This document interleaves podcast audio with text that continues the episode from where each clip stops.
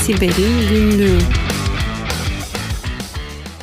Merhaba sevgili izleyenler ve dinleyenler. Siber'in Günlüğü'nden herkese iyi haftalar diliyorum. Ben Tuğba Öztürk. Bu hafta sevgili Murat Lostar e, sırra kadem bastı. Ne için, neden, e, niçin, nasıl gittiğini, e, ne zaman döneceğini gerçekten bilmiyorum. Bir şey de söylemiyor. Dolayısıyla bu hafta ben haberleri sizin için solo olarak sunuyor olacağım. Şimdi bu hafta aslında sizler için tek bir e, haber derledim. E, konumuz Dark Side. Piyasaya yeni çıktık e, mottosuyla çıkmış bir e, hack grubu bunlar. Maalesef başımızın belası olan e, son zamanlarda pek çok şirketinde canını yakan bu meşhur fidyeleme e, saldırılarından e, mütevellit e, ön plana çıkmış bir hack grubu bu. Darkside Ağustos ayında çıktı ama kendilerine ait bir e, aslında basın e, açıklamasıyla birlikte çıktı. Diyorlar ki biz geçmişte bazı saldırılarda da aslında iz bırakmış bir grubuz. Fakat yeni bir ransomware bu ve bu ransomware artık durdurulamaz. Olabilecek en mükemmel fidye yazılımını biz gerçekleştirdik diyorlar. Şimdiye kadar adını e, sanını çokça duyduğumuz başka fidye saldırılarında kullanılan metodolojiye çok benzer metodolojiler geliştirmiş olmakla beraber human operated dediğimiz yani insan tarafından opere edilen e, yeni yeni zararlılar sürmüş durumdalar piyasaya. E, yaptığım araştırmalarda özellikle birkaç basın yayın kuruluşunun e, şeylerini, demeçlerini ve yazılarını inceledim sizler için. 200 bin dolarla 2 milyon dolar arasında değişen fidyeler talep ediyorlar. Ve belirli bir süre içerisinde bu ücreti temin etmediğiniz takdirde bu ücret iki katına çıkıyor. Bununla ilgili ekran görüntüleri de yayınlanmış durumda şu anda internette mevcut. Özellikle Blipping Computer'dan e, Lawrence Abrams'a göre şimdiye kadar en az bir müşterisinden 1 milyon doların üzerinde bir fidye tutarı ödeme alabilmiş bu grup. Dediğim gibi bir basın açıklaması yaptılar. Oradan aynen sizler için aktarıyorum naklen. Sizi öldürmek değil amacımız. Yani işinizi öldürmek değil, sizi piyasadan silmek değil amacımız. Ödeyebileceğiniz kadarını alıyoruz diyorlar. Peki nereden biliyorlar hangi şirketin ne kadar ödeyebileceğini sevgili arkadaşlar? Öncelikle şirketin finansal verilerinin bulunduğu ortamları sızıyorlar. Bunların backup'ları da dahil bütün veriyi ele geçirdikten sonra sizin bilançonuza bakıyorlar. Yani ne kadar fatura kesmişsiniz, ne kadar gelir elde etmişsiniz gibi kritik finansal bilgilerinize göre size bir değer biçiyorlar. Ve tabii ki elde ettikleri bilgilerin e, ne kadar kritik olduğuna göre bu işler değişiyor. Örneğin müşteri bilgisini ele geçirdiyse ve GDPR'e tabiyseniz zaten bir ceza ödeyeceksiniz kamu otoritelerine. Onlar da kendilerine ödeyeceğiniz fidyeyi buna göre ölçüyorlar. Mottolarında şöyle bir ifade var. Hastane, okul, üniversite, hükümetler ve kar amacı gütmeyen kuruluşlar bizim hedef listemizde değil. Bununla beraber e, bir ransomware e, hunting yapan diyelim başka bir beyaz şapka tek grubu da şöyle bir açıklamada bulundu bu DarkSide grubu için. DarkSide üyeleri kesinlikle CIS ülkeleri yani işte Belarus gibi zamanda e, Rus bloğu ülkelerinde yer alan diğer ülkeler gibi e, bu bölgede hiçbir şekilde e, bir aktivitede bulunmuyor. Hatta kodların içerisinde eğer saldırdığımız ya da sızdığımız şirket bu ülkelerde yerleşikse burayı serbest bırakalım şeklinde bir takım e, kodlamalar bulunduğu iddia edildi. E, yine DarkSide'ın haberlerinden devam edelim. Kendilerinin yapmış olduğu basın açıklamasında mükemmel zararlıyı biz geliştirdik. Piyasada adımız yeni olabilir fakat bu tecrübesiz olduğumuz ya da geçmişimiz olmadığı anlamına gelmez diyorlar. Özellikle COVID-19 sırasında biliyorsunuz hala pandemi bütün dünyada devam etmekte.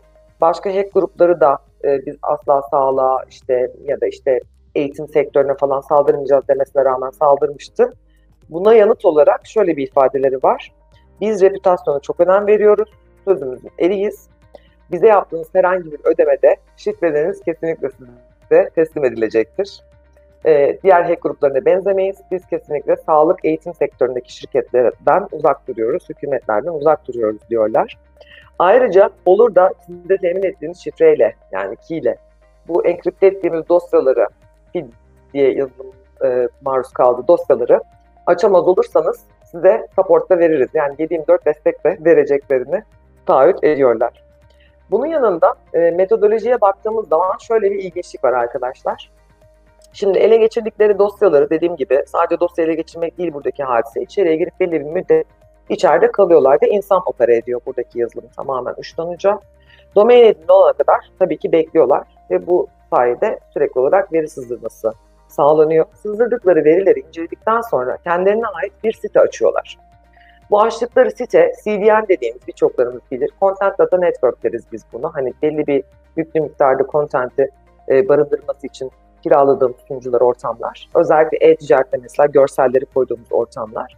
Bunlar da kendi Content Data Network'lerini oluşturmuşlar ve elde ettikleri dosyaları e, bu Content Data Network içerisinde saklıyorlar. Ve bir kısmını küçük screenshotlarla e, özellikle deri sızması konusunda işte hepimizin takip ettiği Joker Stash gibi bir takım sitelerde bunlar Dark Web'de olabilir ya da normal internet sitelerinde de olabilir. Buralarda yayınlayarak aslında size önceden gözdağı veriyorlar. Diyorlar ki bakın verileriniz elimizde. Henüz sizi şifrelemedik. Şu hesaba şu kadar para yatırın. Akabinde eğer tepkisiz kalırsanız şifrelemeyi gerçekleştiriyorlar ve size bir sayaç gösteriyorlar. Bu süre dolana kadar bu parayı ödemezseniz para duble olacak. Yani double iki katına çıkacak şeklinde. Genel olarak böyle ilerliyorlar ve sözlerin eri olduklarını söylüyorlar. Eğer ödemeyi yaparsanız biz bu Content Data Network'te de bulundurduğumuz bütün dosyaları sileceğimize söz veriyoruz ve size gerekli şifreleri temin edeceğiz diyorlar. Bütün bunların yanında e, nasıl ilerlediklerini de biraz işin teknik boyutuna da bakmak istedim. Özellikle sızdıkları sistemde e, PowerShell kodlarını kullanıyorlar. Shadow Volume dediğimiz e, kopyaları siliyorlar ve böylelikle bizler maalesef istesek de restore yapamıyoruz. Buradan o zaman çıkarılacak olan en büyük ders ne? Bir fidye yazılımına maruz kalsak bile yedeklerden dönebilmek için bu yedeklerin online'da nasıl bir kopyasını tutuyoruz? Alternatif disaster ortamlarında nasıl bir kopyasını tutuyorsak mutlaka offline'da da e, dönebileceğimiz e, kabiliyetimizin olduğu ya da işte kabul edilebilir veri kaybının e, izin verdiği kadar bir veriyi mutlaka tutuyor olmamız lazım. Yani sizin işletmeniz bir haftalık bir veri kaybına müsaade ediyorsa eğer bir hafta gerisinden gelen bir offline backup'ınızın mutlaka kenarda köşede bir yerde bulunuyor olması lazım. Evet bizler biz sürekli açısından hemen böyle switch etmeyi yani ana sistem odasını ya da sistemleri kaybettiğinizde yedeğine dönmeyi severiz. E, bunlar daha yönetilebilir, daha kolay offline backup'lara nazaran. Fakat böyle bir dünyayla baş etmek için bu da yine almamız gereken aslında önemli güvenlik önlemlerinden bir tanesi. Ve ardından bu e, PowerShell ile yayılmadan bahsettik. Buradaki komutları kullanmalarından bahsettik. Ne yapıyorlar? Evvela bizim e, client'larda özellikle durduramadığımız bir takım egzeler var. Mesela işte VM Computer ya da işte VMMS veya TeamViewer gibi. E, eğer bir client'ta ya da bir ortamda, bir sunucuda sizin bazı egzelere e, durduramadığınızı, hiçbir şekilde durduramadığınızı test ediyorsanız bu da bizim için önemli bir kıyamet alameti aslında.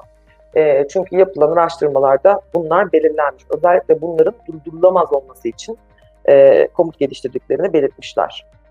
Ve bu şekilde tabiri caizse içeriye sızma gerçekleştikten sonra elbette ne yapıyorlar? Önce veri tabanlarına, daha sonra ofis dosyalarına, hatta işte varsa Exchange, e, ne kullanıyorsunuz artık e-mailde, e-mail ortamlarına ve bütün client'lara kadar ilerliyorlar. En son noktada da biliyorsunuz e, bizim içeride herhangi bir aksiyon almamızı engelleyecek seviyeye getirdikten sonra da e, komut çalıştırıp daha sonra da şifrelemeyi gerçekleştiriyorlar arkadaşlar. Genel olarak benim bu grupla alakalı söyleyeceğim bunlar. Özellikle son 6 ay içerisinde e, çok fazla e, aktivite görüyoruz. Bu aktivitelerin hepsini bu grup üstlenmedi. Ağustos ayının başından beridir e, çıkan e, ransomware ataklarının pek çoğunu üstlendi bu hack grubu. Ama dediğim gibi şu ana kadar doğrulanmış bir adet vakası var Türkiye dışında ve 1 milyon doların üzerinde bir tahsilat yaptıkları biliniyor. Herkese fidyesiz, ransomware'siz, e, bu olaylardan, bu işlerden uzak, güvenli haftalar diliyorum. Hoşçakalın, bizde kalın.